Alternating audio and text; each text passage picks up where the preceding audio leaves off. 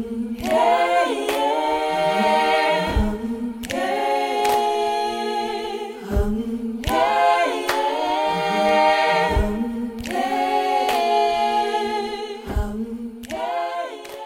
lytter til Kan Venus synge? En podcast om at være kvindelig musiker i den danske musikbranche. Og ikke mindst om musik. Det er et faktum, at kvindelige musikere ikke får lige så meget spilletid i radioen som deres mandlige kollegaer. At de ikke bliver streamet i lige så høj grad.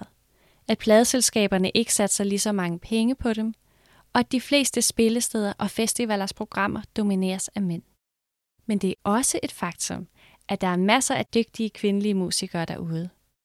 I hvert af mine programmer inviterer jeg, Josefine Ram Skåning, en af dem ind til en samtale om at være kvinde i musikbranchen.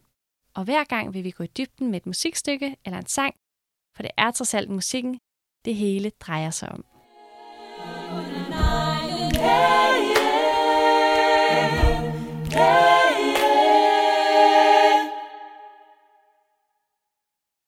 Velkommen til det allerførste program af Kan Venus synge. Og jeg har dig, Gry Kolding Ebbesen, med i dag. Også kendt som Moonbee. Og du er sanger og sangskriver og komponist. Og så har du lavet det her band, der hedder Moonbee and the Astronauts. Ja. ja. Vil du ikke uh, fortælle lidt om dig selv og din vej ind i musikken? Jo, selvfølgelig. Jeg øhm, har nok i virkeligheden taget lidt en atypisk vej, fordi jeg har altid været forelsket i musik. Jeg er vokset op i en familie, hvor vi har lyttet utrolig meget til musik, og har gået til helt ekstremt mange koncerter. Min mor og far er begge to store musikentusiaster, men ikke fra et sådan musikudøvende hjem. Øhm, jeg skrev min første sange, da jeg var omkring 12 år gammel eller sådan noget. Men havde altid sådan en, det er der andre, der gør bedre. Så hvorfor skulle jeg dog kunne leve af det? Og, og så måske tror jeg også tit, det der musikerliv er lidt sådan en utopidrøm. Så hele min gymnasietid havde jeg egentlig bare tænkt, at jeg skulle arbejde med politik, og jeg havde også en, en kort periode, hvor jeg tænkte, at jeg skulle være designer. Så jeg har ligesom haft nogle meget sådan, nogle brancher, som ligger ret væk, langt væk fra musikbranchen. Og så havde jeg mit sabbatår, hvor jeg så havde tid. Og jeg tænkte, at jeg skulle ud og rejse, og så skulle jeg lige pludselig ikke det, fordi der skete nogle ting i mit liv. Og så begyndte jeg at spille en hel masse. Og det ændrede ligesom det hele. Og sådan som, som 19-årig at stå som lærervikar i den der lille by, jeg kommer fra. Øhm, og så havde jeg endelig tid til at fordybe mig i musikken. Sådan nørde det. Og det tror jeg ikke, jeg havde tilladt mig selv før. Så som 19-årig øh, siger min, jeg går til sang på den lokale musikskole, men jeg har aldrig tænkt, at det var noget, jeg skulle leve af. Det var virkelig noget, jeg gjorde for mig selv. Så siger min sanglærer til mig, skal du måske ikke, har du overvejet, om du kunne leve af det her? Eller skal du måske ikke søge ind på musikalsk grundkursus? Der er sådan et konservatorieforberedende kursus, du kan gå på. Og jeg tror altså godt, du kan komme ind.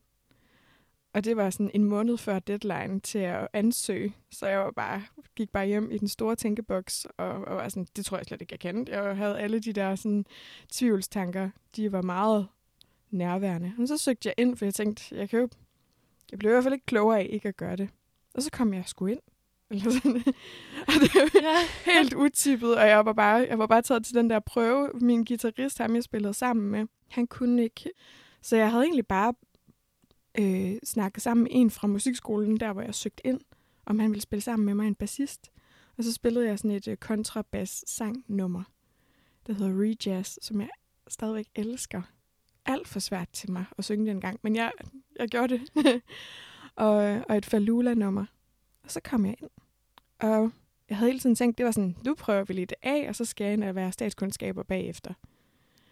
Og så tror jeg bare, jeg blev overvældet af at være i en branche, hvor jeg mødte mennesker, som mindede om mig selv. Øhm, jeg har egentlig altid haft det rigtig godt, men jeg havde det bare endnu bedre øhm, med de sociale venskaber, jeg havde der, fordi at vi havde noget til fælles alle sammen. Og musikrummet er helt vildt stærkt. Så, så jeg forelskede mig i musikken i de der år, der er på musikalsk grundkursus. Og gik fra at skulle være statskundskaber til, at jeg skulle da selvfølgelig bare være popsanger. Og fik nogle rigtig vigtige musikvenskaber der. og søgte ind på konservatoriet to år senere, og kom også ind i første hug der. Så jeg føler lidt egentlig her mange år senere nu som færdiguddannet, både sanger og sangskriver fra konservatoriet, at jeg sådan, det kom bare til mig.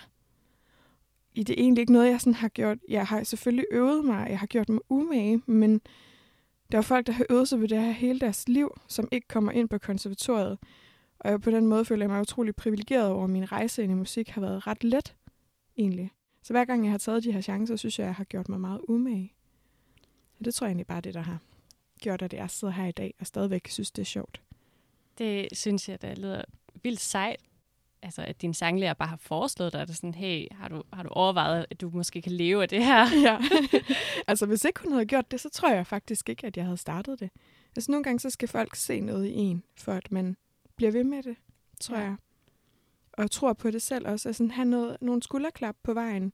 Om så det er fra folk, der synes, man synger godt. Eller sådan, den, den har jeg også oplevet, men det var rigtig vigtigt for mig, at det også var sådan en faglig anerkendelse af, at, at jeg faktisk også kunne finde ud af at synge. Det var ja. rigtig vigtigt for mig.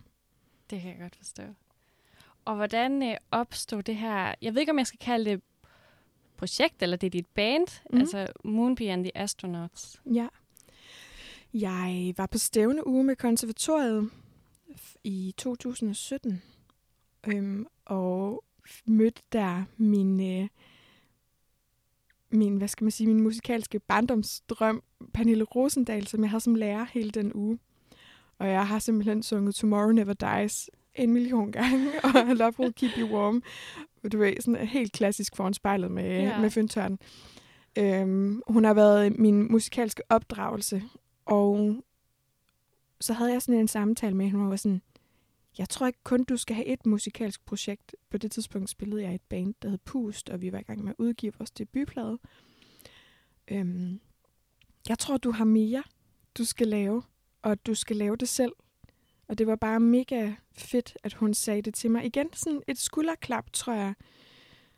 Og i den uge skrev jeg det øh, nummer, som har givet titlen til mit album, øhm, som hed Elevate Me, og den første linje der hedder Come Move in Another Dimension. Og det var den første linje i den første sang, jeg nogensinde skrev til det her projekt. Og derfor er det også det, albumet skulle hedde, fordi det var ligesom det, der satte det hele i gang. Øhm, som var sådan en Patti Smith-sætning, øh, øh, sætning, jeg fandt.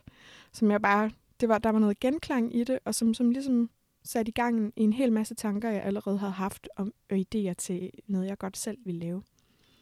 Så jeg gik ligesom derfra den der stævneuge med et nummer, som jeg virkelig var stolt af, at jeg havde skrevet. Og gik hjem. Og allerede der startede jeg med at producere mine egne ting. Og var sådan, nu, nu prøver vi at se. Jeg kan sagtens være i to ting på én gang. Og det kunne jeg også sagtens. Der var masser af materiale. Øhm. Og så har jeg sådan eksperimenteret lidt, fundet de rigtige mennesker over tid, og ja, så i 2018 gik vi i studiet for at indspille de første ting. Og jeg har udelukkende bare sådan valgt mennesker, som jeg synes får mig til at skinne. Så mennesker, hvor at når at jeg er sammen med dem, så er jeg ikke i tvivl om mit musikalske værd, fordi det har været en meget stor ting for mig. At jeg synes, det er svært at finde selvværd i det her, når der er så mange dygtige mennesker derude. Øhm, men de her mennesker, de hæpper og er mine cheerleader. Og The Astronauts, som er mit band, er en kæmpe gave at få lov at spille sammen med. Altså, de giver mig virkelig meget musikalsk sparring og optur. Og min producer, Anders Bold, han har bare været... De har været så vigtige for min rejse. Så det har været så taknemmelig for, at de har været, været der lige på det her tidspunkt. Ja. Jeg er virkelig glad for at høre, at, øh, at der, du får de her skulderklap. For jeg kan virkelig godt følge det her med, at øh, musikverdenen er en svær verden, og blive ved med at, at have meget selvtillid i, netop fordi der er så mange dygtige. Jeg overvejede også selv at starte ind på konservatoriet på et tidspunkt. Jeg har også rigtig meget haft den der med sådan, altså, de er så meget dygtigere. Hvordan skulle ja. jeg kunne kunne det? Det er det. Hvad ja. har jeg dog at byde på i den her pærvælling af sindssygt dygtige, dedikerede mennesker? Ja. Det er en respekt over for faget, tror jeg. Altså at have det sådan, øhm, at dem, som kommer har noget på hjerte, at det er også dem, der skal have taletiden på en eller anden måde. Det synes jeg også er okay, at man, man har respekt over for det rum.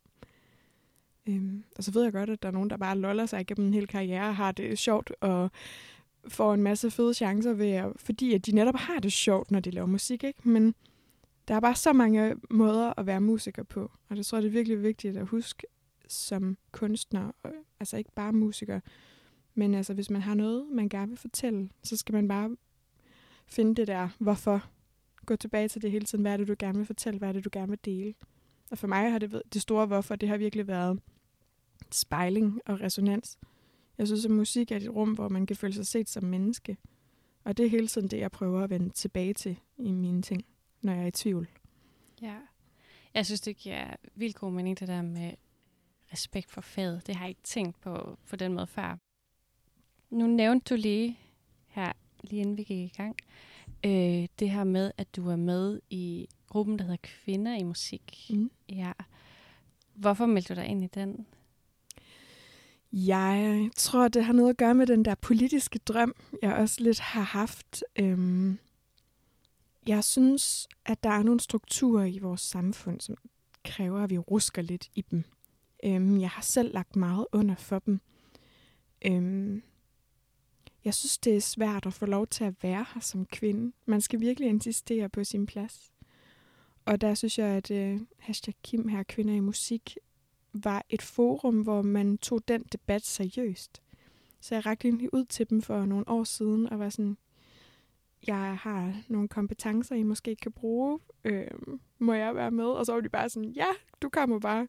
Og så lavede vi en, en bestyrelse her i september måned, hvor jeg sidder med som, som kreativ leder blandt andet. Altså, vi har jo forskellige poster. Det er lidt flydende. Vi er en meget lille organisation, men vores intentioner er at blande os i den politiske debat omkring diversitet på og mangfoldighed på musikscenen.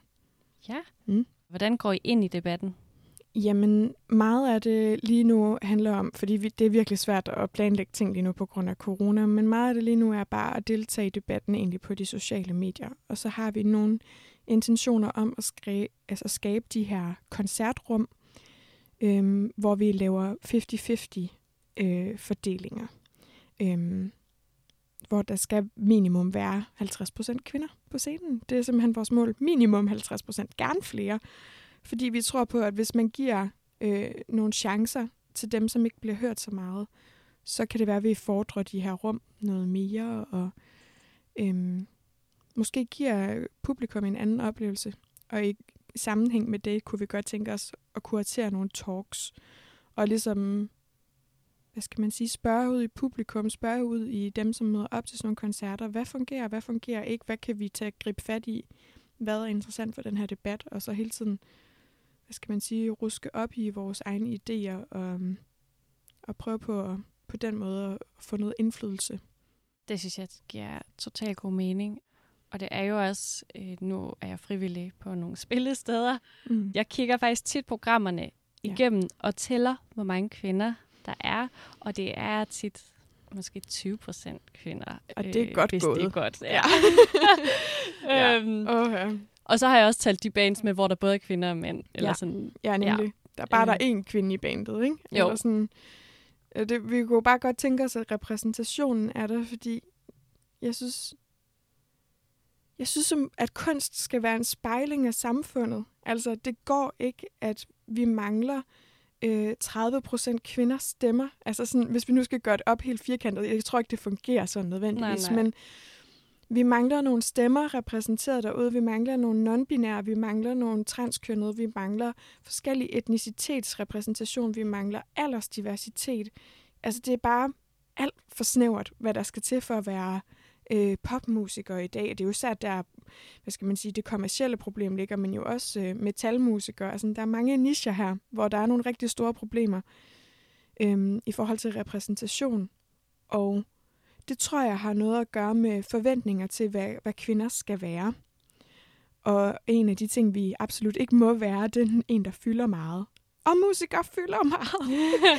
Vi Ja. kræver jo, at folk kigger på os, for at det er en god koncert, og lytter til os. Og øh, på den måde er det et meget sådan paradoxalt rum at gå ind i, når man har lært et helt liv, at man ikke må larme. At det skal du gøre nu, for at få opmærksomhed og for at kræve din plads i rummet. Det synes jeg er altså, så rigtigt. Ja. og jeg synes virkelig, jeg synes, det er så frustrerende, når, man, når vi ved, at der er så stor en ubalance, Ja. og den bliver ved med at være der. Ja. ja.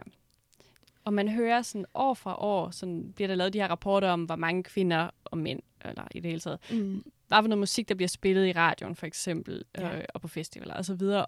Og, og der sker bare ikke noget. Og det er bare ikke, fordi musikken ikke er der. Det, altså, det, det argument kan bare ikke blive ved med at eksistere. Nu ved jeg ikke, altså, Hej Søster er jo også et, et initiativ, der ligesom har, Falula har lavet, som skal vise, hvor mange kvindelige artister, udøvende artister, vi har i Danmark lige nu. En playliste, hvor der er hundredvis af numre. Altså sådan, så du kan bare starte der, hvis du som festival er i tvivl, start der med at finde ud af, jamen altså, hvad har vi egentlig i Danmark? Hvorfor nogle udøvende artister har vi i Danmark? Og jeg tror bare, vi skal nå dertil, hvor man kommer ud af sine vaner. I virkeligheden, vi skal simpelthen insistere noget mere på, at det ikke er vanerne, der skal diktere, hvordan vi booker ting. Fordi vores vaner fortæller os, at det er øh, 20-årige mænd, øh, som, som sælger billetter. Og så længe at den vane ikke bliver får noget modspil, så bliver det ved med at være sandt. Altså, så vi bliver nødt til at se, hvad der sker, hvis nu, at, øh, at kvindelige artister får lige så meget spilletid i radioen som mænd, bliver de så ikke også lige så kommercielle? Eller sådan, jeg kunne godt tænke mig at se, hvornår det der, det begynder det at flippe. Øhm, det har vi virkelig brug for, tror jeg, for at diversiteten kan, kan hvad skal man sige, blomstre. Ja, det tror jeg også. Og så har du egentlig lidt allerede svaret på det næste, jeg ville spørge om. Det var sådan, hvad kan vi gøre ved det? Men der siger du jo det her med at komme ud af vores vaner og, ja. og ture i det hele taget. Ture og booke for eksempel nogle andre. For spille eksempel. nogle andre. Jeg synes, gatekeepers øh, i denne her samtale, altså både spillesteder, men også pladselskaber og radioer, har et kæmpe ansvar.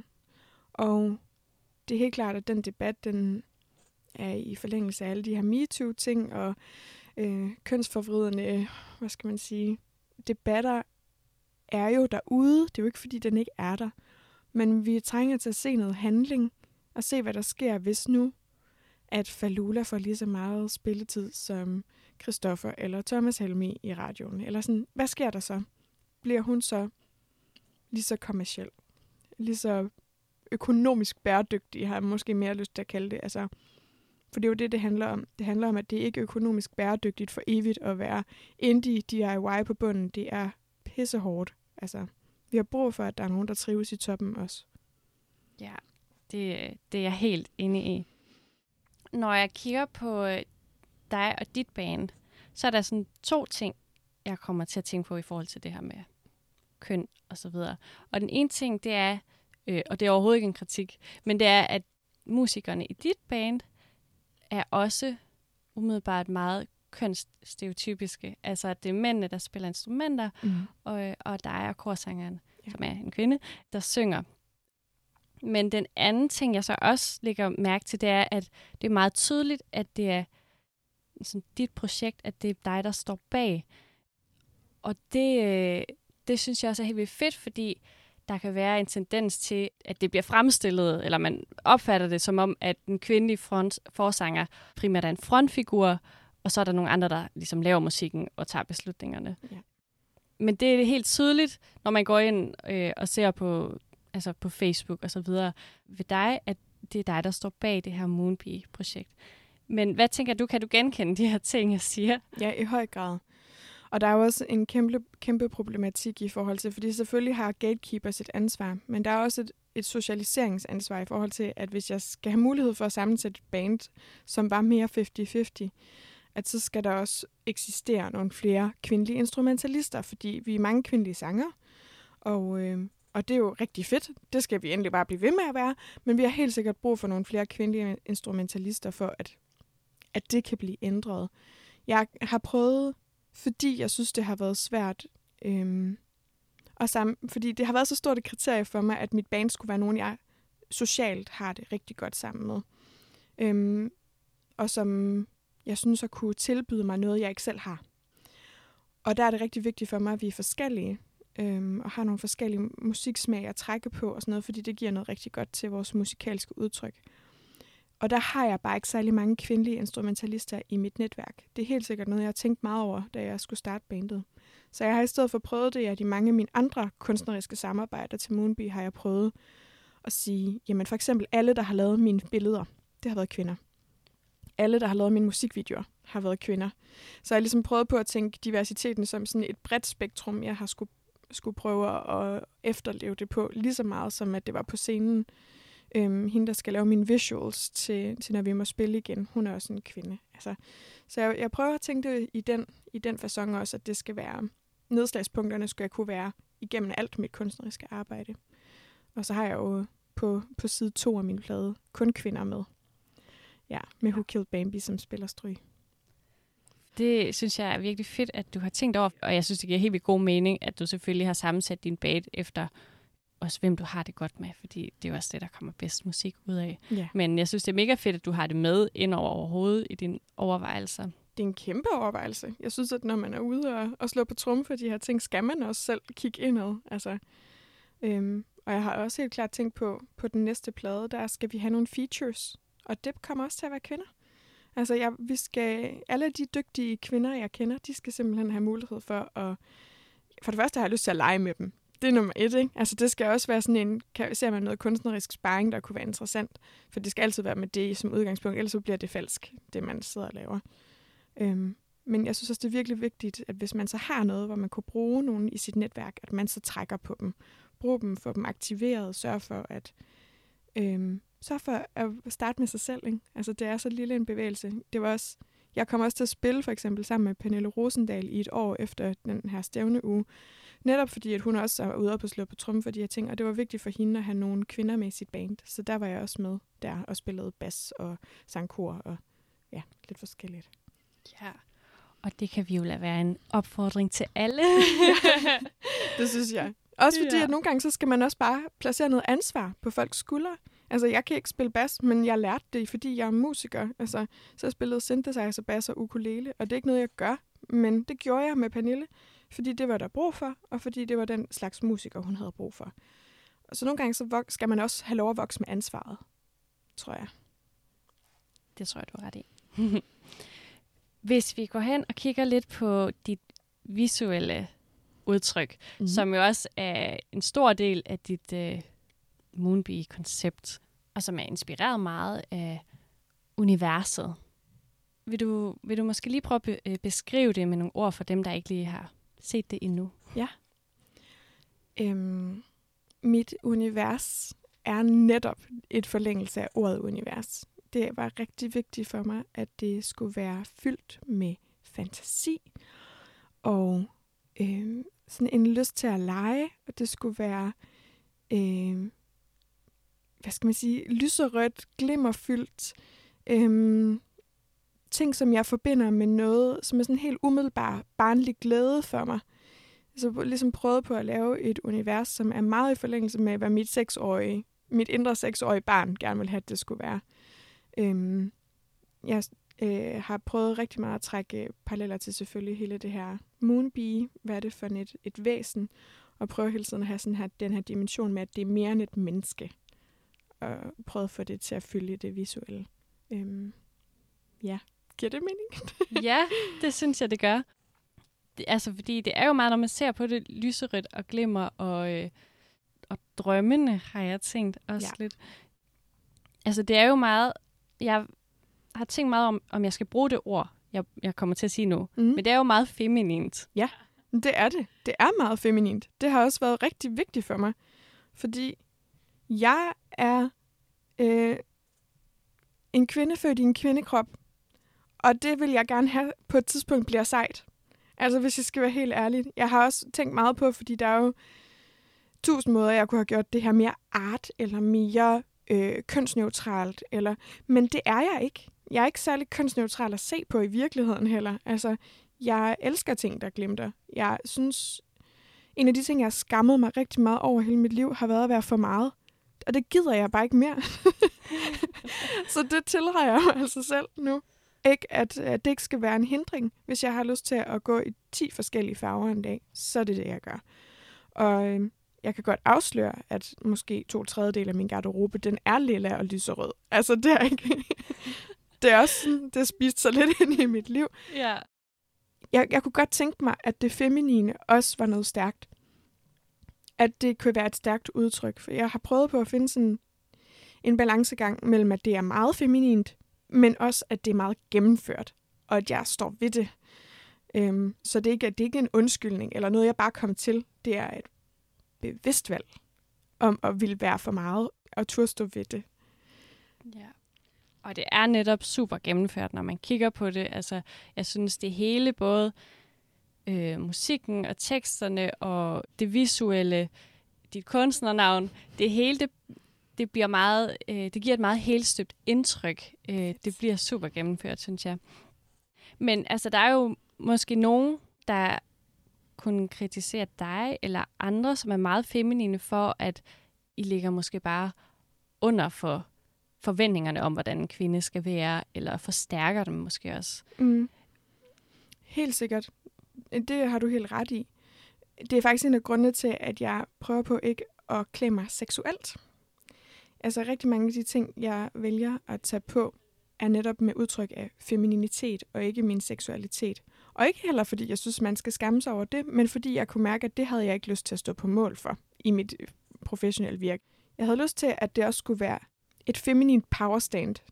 Fordi jeg identificerer mig så meget med at være kvinde, som jeg gør, at så har det været det, der ligesom har været, været afsæt. Og det kan godt være, at jeg lægger under for nogle stereotyper. Jeg elskede også Askepot som lille, og havde barbier, og øhm, ville helst tage silkekjole på i børnehave, hvis jeg selv måtte vælge. Altså, men jeg tror netop, at fordi at det har jeg altid insisteret på, så føles, det føles meget naturligt for mig at skulle være i det univers. Altså, jeg, jeg tror, jeg er egentlig bare for, at man, man gør det, som føles naturligt. Og for mig er det her mega naturligt, og det kan godt være, at jeg har et helt andet øh, syn på det om 10 år, men jeg har tænkt meget over det. Det er ikke, det er ikke bare, fordi det var det, der var let. Jeg synes faktisk, det er helt vildt svært at være lyserød og fylde, fordi det er forbundet med en masse skam. Men det er netop derfor, jeg bliver nødt til at gøre det, tror jeg. Det kan jeg godt forstå. Altså, synes jeg også, at det er virkelig vigtigt, at, øhm, at vi får nogle andre billeder af, hvordan man kan se ud, når man er professionel. Fordi, fordi du tager jo netop musikken og alt det her, du laver seriøst, og som du sagde, det er jo, det er meget gennemført. Og så synes jeg, det er super vigtigt, at det kan man godt gøre, uden at have et jakkesæt på. Ja, præcis.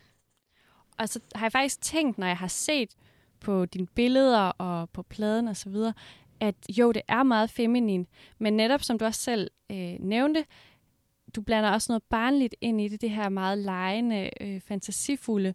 Og så synes jeg faktisk også, at der kommer også nogle traditionelt set mandlige kvaliteter ind i det, fordi at du fremstår meget som, jeg ved ikke om lederen er måske det forkerte ord, styrmand, ja. den der ligesom står bag. Og også det her med universet og tage ud i rummet eller forestille sig, at man gør det, det har på en eller anden måde også traditionelt set været meget mandeagtigt. Ja. Og det så er... vidt jeg ved, så har de fleste astronauter været mænd. yes. Lad os gå videre til at snakke lidt om din musik. Mm.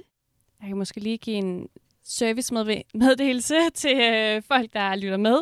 I anden halvdel af mine programmer kommer vi til at sætte ekstra fokus på musikken, og jeg har i, hvad kan man sige, i samarbejde med min gæst valgt en sang, som vi skal kigge ekstra meget på. Og det bliver, det bliver lidt nørdet, men det bliver også fedt. ja. Men inden vi sætter en sang på, vil du så ikke lige prøve at beskrive din musik? Jo. Jeg skriver musik med afsæt i alt det, jeg har dyrket i mit liv. Det vil sige, at når jeg spiller med mit band, så er det 60'er beats og 70'er bass og 80'er keys og 90'er guitar. Altså, det, det er ting, jeg står på skuldre af, jeg har dyrket, som jeg prøver at tage ind i det her rum, som for mig er et futuristisk rum. Jeg prøver at være eksperimenterende med vokalerne og ligesom finde det her spændingsfelt mellem fortid og fremtid i min musik. Og så er teksterne tit et, øh, hvad skal man sige, et meget umiddelbart øh, ståsted i en meget umiddelbar følelse. Det er rigtig vigtigt for mig, at følelserne er klare i de sange, jeg skriver, så at man som lytter kan træde ind i det og måske se sig selv, føle sig reflekteret i teksten. Så hvad enten det handler om at være ekstatisk glad, eller umådet trist, eller håbefuld, så skal det være meget tydeligt i min musik. Både i min metaforiske brug og i, min, øh, i mine melodier. Så det prøver jeg helt absurd lang tid på. Lige den del med melodier og tekster, og få dem til at smelte sammen og blive øh, til de her små universer af følelser, hvor man kan føle sig set som menneske. Det synes jeg er virkelig sjovt, at du siger det, fordi det er virkelig noget, det jeg har tænkt over med den sang, vi skal høre om lidt. Det er nemlig det der med sammenhæng mellem teksten og melodien. Vi skal høre og snakke lidt om sangen You Are Not a Lonely Planet, som er den første sang på din EP. Mm. Og det er en ret ny EP, den er lige her fra... 29. januar 21. Ja. ja. Og den har et lidt specielt koncept. Vil du lige fortælle lidt om det? Ja. På min debut-EP har jeg lavet to sider af samme sang. Og det vil sige, at man på side 1 øh, kan høre seks sange, som jeg har lavet og arrangeret sammen med mit band. Og de samme seks sange har jeg så fuldstændig omarrangeret øh, ind i et klassisk univers, hvor jeg har brugt strygerinstrumenter og øh, trommemaskiner til at lave det her sådan, hvad skal man sige, et andet bud på, hvordan sangene kunne have lyttet. Øhm, så de har ligesom sådan to, to universer, de eksisterer i de her sider. Øh, bandsiden synes jeg har været meget sådan øh, teksturnørderi, øh, rigtig meget med produktionerne, og netop fordi jeg har haft et band, har vi dykket meget ned i produktionsværdien af det, og på, på strygersiden på del 2 har jeg prøvet at fokusere rigtig meget på at gøre det intimt, og gøre det nærværende, øhm, Både fordi jeg gerne vil lave den her plade, hvor man kunne dykke ned i musikken på forskellige måder, men faktisk også fordi jeg elsker optræde på forskellige måder. Så det giver mig ligesom mulighed for at lave to meget forskellige afsæt, når jeg skal ud og optræde en gang igen. Lad os høre den. You Are Not a Lonely Planet med Moonbee and the Astronauts.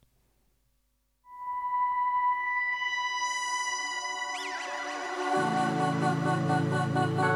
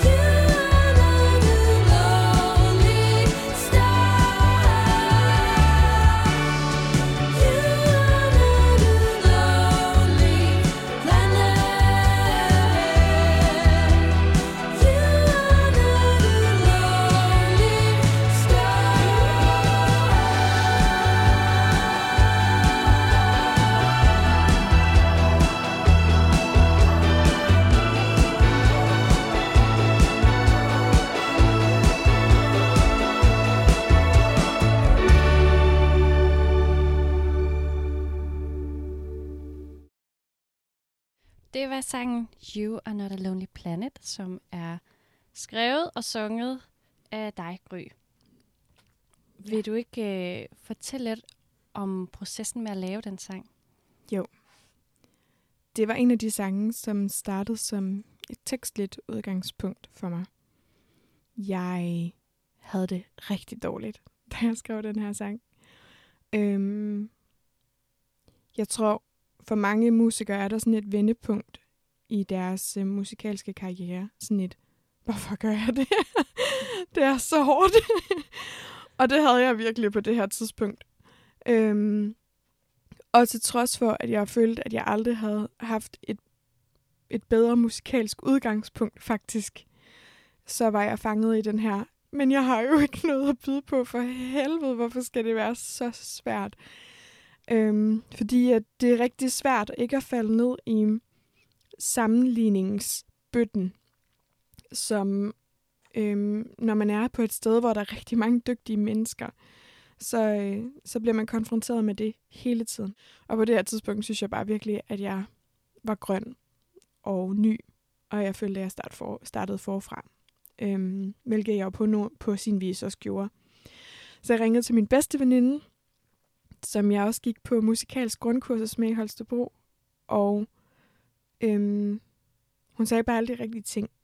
Og jeg tror, lige efter den samtale, der gik det op for mig, at jeg ikke var alene. Og aldrig kommer til at være alene med de her følelser, som er dybt kontrasterende. Altså, og så tænkte jeg, fordi jeg kunne ikke finde ud af, hvordan jeg skulle takke hende for den samtale. Den var meget vigtig, det var et meget vigtigt vendepunkt. Så jeg skrev den her sang, som skulle være til hende, til når, hvis hun en dag skulle få det sådan her. Ja. Og det var egentlig meget sådan en, en meget mold-domineret sang til at starte med. Måske fordi, at det var et meget komplekst sted, og som vi endte med at omarrangere til det her sådan mere opløftende. Jeg ser håb og lys. Det kan godt være, at det er mørkt for dig lige nu, men jeg ser håb og lys for dig, og det skal nok gå, og lyset for dig, det kommer indenfra. Så det vil sige, at du kan ikke altid forvente, at det er omkring dig derude i mørket. Nogle gange er det bare mørkt, men du skinner selv. Du skal nok finde vej, og ellers er jeg der. Øhm, så det var lige så meget en sang til mig selv, men jeg kunne bare ikke skrive den til mig selv. Det var nødt til at have afsæt i noget, der var mere værd. Og der, der synes jeg bare, at menneskelige relationer, det er sådan gang på gang minder mig om, hvorfor øh, man overhovedet kommer igennem at være menneske. Ikke? Så jeg skrev den sang i en meget mål-domineret univers, og var meget ked af det. Og så tog jeg den med til bandet, og så blev den meget hurtigt forvandlet, fordi jeg tror også, at vi alle sammen mærkede en anden intention med det, fordi det nemlig var med intentionen om at, at give lys til nogen. Og så havde vi en masse dialoger om, hvad, hvad der var lys for os. Og øhm, hvordan vi kunne tage det ind i det her sådan indie, indie-pop-univers. Og det var vigtigt for os, at der var nogle store melodiøse sådan, hvad skal man sige, udspil, hvor det hele folder sig ud, og så det her helt stramme, øh, enkle, sådan det organiske mod det her sådan helt sådan maskinelle næsten. Øhm, så rigtig meget af den her sang har været øhm, en en produktionsting, altså en, en samtale med mit bandom, hvad, hvad betyder sådan et forhold her, det spændingsforhold, der er mellem, mellem mennesker, og hvordan kan vi få det ind i musikken. Og så tror jeg bare, altså, vi fik lavet et rigtig godt grundarrangement. Vi indspiller altid øh, i one takes, så det vil sige, at sangen er indspillet bare et, en, en kører, og det gjorde vi tre gange eller sådan noget, ikke? og så valgte vi en den bedste af de tre. Og øhm, og så har vi selvfølgelig lagt en masse lag på efterfølgende, for der er rigtig meget kor på den. Jeg tror, der er cirka 100 tracks kor. Ej, wow, det er mange. det er virkelig meget. Men, øh, men det var virkelig vigtigt for mig, at den fik den her sådan eterisk, øh, eteriske lyd og drømmende lyd, og at man havde sådan en fornemmelse af, at man svævede gennem universet, fordi der er så mange planeter og universmetaforer. Så det var nødt til også at være tydeligt for mig i musikken. Øhm, sådan bogstaveligheden, synes jeg er vigtig i det, jeg laver.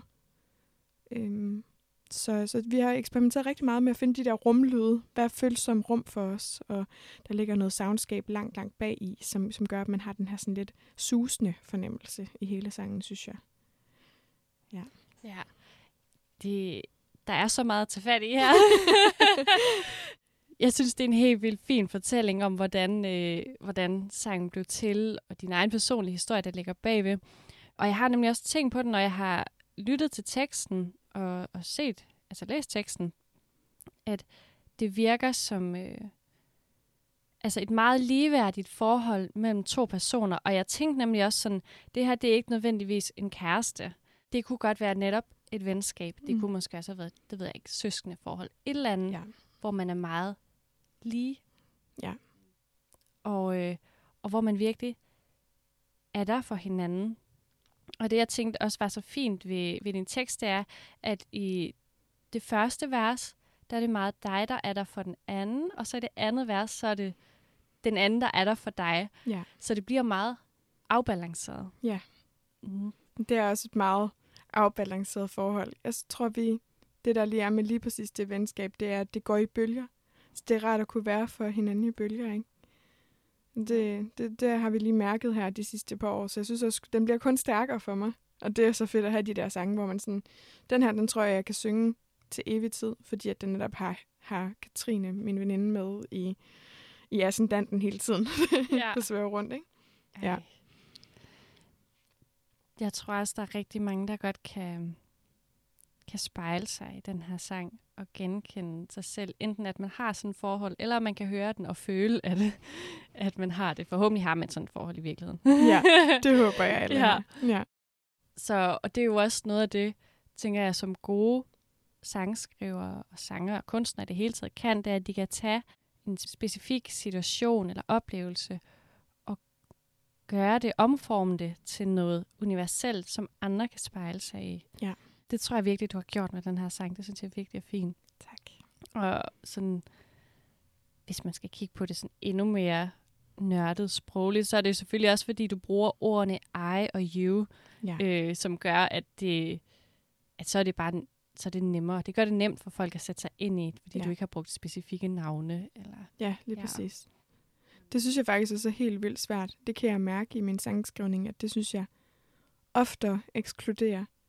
Øh, altså, man, at så træder man mere ind i nogle andres minde, end i ens eget.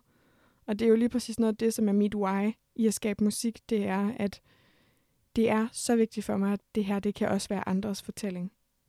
Øhm, jeg laver musik, fordi at det der, når jeg selv har haft de stærkeste oplevelser i mit liv, så er det, når jeg har følt mig mødt som menneske i de der musikalske rum, hvor man kommer ind, og så er man bare sådan, åh, de forstår så meget, hvordan jeg har det. Ja. den der. Og den vil jeg bare så gerne kunne give andre, og være en del af at skabe de der rum, hvor man ikke føler sig alene. Det giver super god mening. Du snakkede om øh, noget med det her hvad kan man sige, sammenspil mellem tekst og, og musik eller lyd. Mm. og det var vigtigt for dig, for dig, at det var konkret. Og, og du bruger jo rigtig mange ord, som netop peger på noget med universet, øh, ligesom, altså, som jeg passer ind til hele det her Moonbee-koncept. Og, øh, og jeg har tænkt meget over, at du bruger allerede i første sætning ordet orbit, altså sådan Mhm. kredsløb, eller være i kredsløb, hvilket giver super god mening i forhold til planeter og så videre. Ja. Men jeg synes også, at melodien er meget kredsende. Den kredser meget om de samme toner, Mm. så det kommer til at være i hvert fald et stykke hen ad vejen meget det samme toneleje, du synger i. Ja. Og, og det synes jeg bare er for fedt, når, når tekst og melodi passer så godt sammen, og det giver så god mening. Ja, og jeg elsker, at du lægger mærke til det. Det er en kæmpe stor overvejelse, da jeg lavede den her. Også de der you glissader, hvor man også føler, at noget glider forbi en. Sådan at øh, når jeg, når jeg laver melodier, så er det i høj grad en forlængelse af det, jeg gerne vil udtrykke. Øhm, og også en af grundene til, at det altid vil være mit, øh, mit vigtigste anker. Altså, det, jeg synes bare melodier. Hvis jeg må tage én ting med på en øde ø, så er det altså melodier. Fordi at der er så meget følelse. Altså, jeg tror i princippet, jeg kunne have sunget hele den her sang, givet dig den samme fornemmelse om ikke at være alene. bare med melodien. Altså, det er altså det udgangspunkt, jeg gerne vil have, når jeg sidder og skriver de her ting. Den her fornemmelse af at, sådan, at føle, sig, føle sig velkommen i et eller andet. Og øhm, der har det i høj grad det her med, som du siger, tonegentagelse, men også de her langsomme glissando, og sådan, det har været sådan en, hvordan lyder det, når en planet suser rundt om noget andet. Altså sådan, det har virkelig været en overvejelse. Ja. ja. Fedt. Det synes jeg er spændende at høre om, fordi jeg sidder jo, øh, jeg har læst musikvidenskab, og vi er jo, når vi ikke er praktiske, så er vi meget teoretiske. og vi sidder jo tit og analyserer mm. sådan nogle her sange. Og det er bare spændende at høre om, at du rent faktisk har tænkt over det, fordi tit så, så kan det måske også bare føles som om, at vi lægger en hel masse ind i nogle sange, som ja. så bare er inde i vores hoveder. Ja. Eller sådan. Sådan tror jeg også, det er med nogle ting. Mm. Men jeg tror, for, for mig er melodier, det er mit bevidsthedsrum. Øh, rum. øhm, jeg er meget mere intuitiv, når det handler om tekster. Altså, de fleste tekster på den her plade er skrevet på 10 minutter. så tekster er mine tekster er der, hvor hvis jeg synes, at jeg har skrevet en god melodi, så tror jeg, jeg synes, teksten er sekundær, og det ved jeg godt, at der er mange, der vil være uenige med mig i det her. Men det er jo også igen et, et spørgsmål om smag og behag.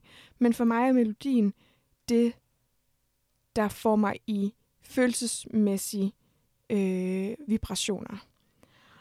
Og øh, teksten er kan selvfølgelig være en, en vanvittig smuk forlængelse af det. Men hvis melodien sætter mig i de rigtige vibrationer, så, så, kan, så kunne det være Volapyk, og så vil jeg være fuldstændig ligeglad. Altså, jeg elsker Cocteau Twins, og jeg elsker Sigur Ros, og de synger alt muligt Volapyk. Jeg ikke forstår, men jeg forstår følelserne. Så derfor så tror jeg, sådan, fordi at det altid har været min kerne i at, i at skrive musik, det har været de der forelskelsen i melodien, så vil det altid være det, der er vigtigst for mig. Ja. ja. Jeg synes også, jeg lader også mærke til, at du synger på et tidspunkt A Slow and Steady Guide. Mm. Og det synes jeg også, melodien udtrykker rigtig meget, fordi den er jo netop ja. slow and steady ja. det meste ja, det meste af sangen igennem.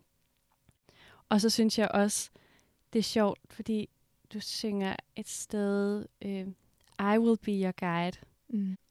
Og det synes jeg er ret fedt, fordi det er jo det, du ser ud til at være, øh, når man kigger på alt det visuelle, og når man øh, altså går lidt ind i og, og hvad skal man sige, læser lidt, øh, holder lidt øje med, med dit projekt, så virker det som om, du er guiden, og nu synger du det også her. Det synes jeg, er, det bliver meget meta men jeg synes, det er fedt. Nice. Det er også tit åbningssangen, når vi spiller live. Fordi ja. den ligesom er god til, jeg synes, den er god til at sætte sådan en, nu, nu er vi lige, nu er folk lige med ombord på rumskibet. Ja. Tag med os, hvis I, hvis I giver jer hen til den her idé om, at nu er vi lige ikke på jorden. Lige nu. Og vi er lige et andet sted, fordi det har vi brug for en gang imellem, ikke? At, at zoome lidt ud fra os selv. Ja. Det er altså det, vi, det er det, der er mit mål, når vi går ind i de der koncertrum, og tager folk med øh, på en tur på ja. en eller anden måde. Ind i sig selv, eller et eller andet. Ja. Jeg synes også, hvis man lægger mærke til bare den allerførste lyd i den her sang, jeg synes, det lyder som en satellit. Ja, det gør det også. Det synes jeg også. ja, og jeg synes, det er genialt, at den allerførste sang på albummet, altså så hurtigt sætter en ind, ikke bare i stemningen, men i en setting. Altså det er jo, okay, så er vi ude i rummet, når man hører en satellit. Jamen, det er så dejligt. Du hører mange af de intentioner, der har været. Det er så godt. Jamen, jeg synes virkelig, det er godt ting.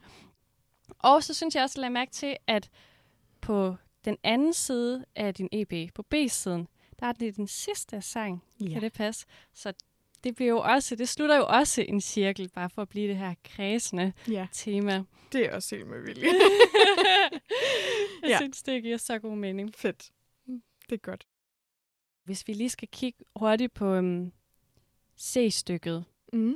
som også kan kaldes et kontraststykke, og som også er en kontrast til, uh, altså i hvert fald melodimæssigt til resten af sangen. Det er ligesom her klimakset ja. i sangen kommer, og det understreger ligesom også budskabet, ja. fordi her synger du jo gentagende, øh, altså gentager, You are not a lonely planet. Ja. You are not a lonely star. Og det synes jeg, det er også bare med til at vise, hvordan musikken kan understrege budskabet. Altså, du synger i nogle lidt højere register, mm. Du synger, hvad kan man sige, rytmen i melodien bliver lidt hurtigere. Mm. Der er flere ting, der, der kommer en ny akkord ind. Det er dur. Det gør det også, ja. så det bryder lidt med resten af sangen, ja. men det gør også, at man bliver ekstra opmærksom, måske ikke bevidst, og det er et stykke, der er let at huske. Så det gør jo i hvert fald, at budskabet, You are not a lonely planet, eller du er ikke alene, det sætter sig godt fast. ja. Det er også helst den fornemmelse, vi gerne vil. Altså lige præcis, man går derfra med den der, ja, at, og ikke at tabe håbet. Det var virkelig, virkelig vigtigt, at den, den sidste sådan opløftende, det var, at det var først, da der budskabet kommer. Det var faktisk et omkvæd til at starte med at se stykket. Ja. Men så, så blev vi enige om, at den, den form for forløsning i at ikke at føle sig alene, på en eller anden måde var rar først at få til sidst, fordi at det netop efterlader en så. Altså det er den følelse, man går videre i albummet med, eller hvad skal jeg sige. Du er ikke alene, nu har vi lige sagt det, så kan du høre resten af albummet. Ja. Ja. Jeg vil gerne høre lidt om strygerversionen Mm. af den også, og den er lavet med ensemblet Who Killed Bambi. Ja. Vil du ikke fortælle lidt om den, den version af Jo. sangen? generelt så hele, hele B-siden har jo været øhm, et eksperiment i at få et mere intimt element ind i det. Og med det mener jeg, at man kan høre min vokal tydeligere, og at man kan høre teksten tydeligere. Fordi vi er jo også godt opmærksom på, når vi laver så mange spor, som for eksempel på You're Not a Lonely Planet, hvor der er 250 spor eller sådan noget, ikke? at der er ting, der drukner. Og det vil der være til fordel for produktionsværdien, eller til fordel for øh, universet, som vi ønsker at skabe. Og det, der synes jeg, at, de, at melodierne fortjener at have et rum. Det er jo fuldstændig den samme melodi. Der er ikke ændret i formen. Der er ikke noget som helst, der er ændret. Andet end, at øh, klæderne er helt anderledes. Der er meget mindre af det. Den starter ud med sådan en pulserende cello. Og det er helt med vilje, at der kun er mig og en cello til at starte med. Fordi jeg kunne godt tænke mig netop at have den der, nu er vi helt alene i rummet, hvordan føles det? Øhm, og jo mindre der er til stede i lydbilledet, desto mere stærkt synes jeg, at den metafor står, den lydlige metafor. Og så er der sådan nogle glissader, som ligger i pauserne. Øhm, som for mig er sådan det her med at stå og være beskuer ude i et univers og se ting, der fiser forbi. Og det er generelt en ting, der er rigtig meget af på B-siden, de her glissader, fordi jeg synes, det netop giver den her, som vi også snakkede om i øh, Orbit You, at der er ting, der glider forbi en i melodierne. Og det, det har jeg prøvet også at tage med ind i strygerversionerne. Og så er det ellers en sang, som, hvor, vi har, hvor jeg har prøvet at lave en masse triller. Fordi hvis man putter effekter på det på stryger, så giver det næsten sådan helt fløjteagtig, sådan symfoni fornemmelse. Så der er rigtig mange af strygearrangementerne, hvor mens jeg sad og lavede det, havde jeg produktionsmæssige idéer, mens jeg sad og skrev det, fordi jeg vidste, hvis vi gør det her, eller indspiller det her dobbelt, så kan jeg reverse det, og det lyder sejt. Og sådan. Så vi har haft en masse idéer til selve indspillingen af lige præcis det her nummer. Og, og hele, hvad skal man sige, broen i det her, det, det løfter sig sådan mere og mere, som om at alle effekterne tager til, for så at forsvinde helt. Så den her fornemmelse af noget ekstremt storslået og noget helt minimalt. Øhm, det interesserer mig meget at skabe de her kontraster, fordi jeg synes, universet er kontrastfyldt og føler sig lille mod det store, øh, lys mod mørke. Der er ligesom en masse ting, som har at gøre med kontraster, når jeg tænker på universet. Så det har jeg også prøvet sådan, at hive ind i strygearrangementerne på en eller anden måde. Det, det synes jeg giver super god mening. Og jeg har også netop tænkt over det der med, at der bliver skabt nærmest sådan en vekselvirkning mellem, øh, mellem formdelene, Mm. altså vers og brug omkvæd og så videre. Altså, der bliver skabt i musikken de her kontraster. Og jeg synes også, altså du har helt ret i, at, at din stemme og teksten kommer mere i fokus. Men jeg synes også, at den her virkede næsten lidt mere dramatisk, Ja. faktisk. Det tror jeg, jeg, der er lidt levn af noget Pernille Rosendal, der skulle ud der. jeg, følte, i- jeg følte i høj grad, at den fik lov til netop at, at være mere dramatisk. Eller sådan. Fordi og, altså, det var også det, jeg havde mange overvejelser over, hvor anderledes skulle skulle B-siden egentlig være for A-siden. Nogle af numrene minder meget om A-siden, og nogle minder slet ikke om. Og det her er en af dem, der ikke minder særlig meget om A-siden. Men netop fordi, at jeg tror, at hvis man kender en version rigtig godt, også det her med at høre covers af numre, man kender rigtig godt, og så lige pludselig er det blevet taget ind i et helt andet univers, og så er du tvunget til at lytte til, en, til teksten på en anden måde. Og det, det var i hvert fald i høj grad en intention her. Så det var meget vigtigt for mig, at den her tekst fik lov til at fylde meget mere, og måske være meget mere dramatisk i virkeligheden, ja. ja. Jeg synes også, den virker altså meget nærværende, og måske mindre drømmende, mm. end øh, den gør på A-siden. Det bliver meget øh, ja, jordnært mm. på en måde. Ja. Er der andet, du vil tilføje? Ja, så jeg tror bare, at en af de ting, som jeg i hvert fald har oplevet ved at arbejde med musik sådan her, med at skifte perspektiv, som det jo egentlig bare er, øhm, det er, at man får lov til at se, om ens melodier holder. altså, fordi man bliver mødt af modstand, der hvor det ikke er stærkt nok. Og, øhm, og det, det har jeg da mødt. Altså, det vil jeg da gerne erkende. Men når man, når man ligesom format skifter noget, bliver man meget klar over styrkerne i sin egen sangskrivning og kompositionsevner. Øhm, og det har været vanvittigt lærerigt for mig. Det er sådan en dejlig meta, et dejligt metalag på en eller anden måde at have til sine egne, egne musikalske evner. Ja. Ja. Jeg kan godt forestille mig, at det må have været spændende at prøve at arbejde med ja. sin musik på den måde. Og måske kan jeg lige nævne, at Who Killed Bambi er jo det her strygerensemble i Aarhus, som øh, kun består af kvinder, og de laver også noget rigtig dejlig musik. Ja. Det kan jeg kun anbefale, at man går ind og lytter til. Det gør de virkelig. Ja. Så dygtige. Nu skal vi til at slutte af. Jeg synes, tiden er gået hurtigt. ja, det er det også. øhm, men det var den første episode af Kan Venus synge. Og Gry, du har været min gæst i dag. Tusind tak for det. Det er jeg Mange virkelig tak glad for. for at du spurgte. Det er jeg virkelig glad for. jeg synes, det har været en øh, fornøjelse. Hvis man gerne vil følge dig og det, du laver, hvor kan man så gøre det? Det kan man gøre på Facebook, på Moonbee Music. Øhm, og så kan man gøre det på Instagram. Der hedder jeg Moonbee Galaxy, hvis man vil finde mig derinde. Ja. Og tak også til jer, der lyttede med. Det er jeg utrolig glad for, at I har lyst til. Jeg hedder Josefine Ram Skåning, og jeg har tilrettelagt og redigeret programmet. Du kan følge Kan Venus Synge på Facebook og Instagram. Profilerne hedder simpelthen Kan Venus Synge. Jinglen er et uddrag af sangen Mudder, skrevet af Ditte Dupont og sunget af koret Luna Vocals. Hvis du har lagt mærke til Kan Venus Synge-logoet, så kan jeg fortælle, at det er lavet af Christian Fodalsgaard Jensen. Jeg håber, I har lyst til at lytte med, når de næste afsnit af podcasten udkommer. Og her til sidst får jeg lige strygerversionen af You Are Not a Lonely Planet. until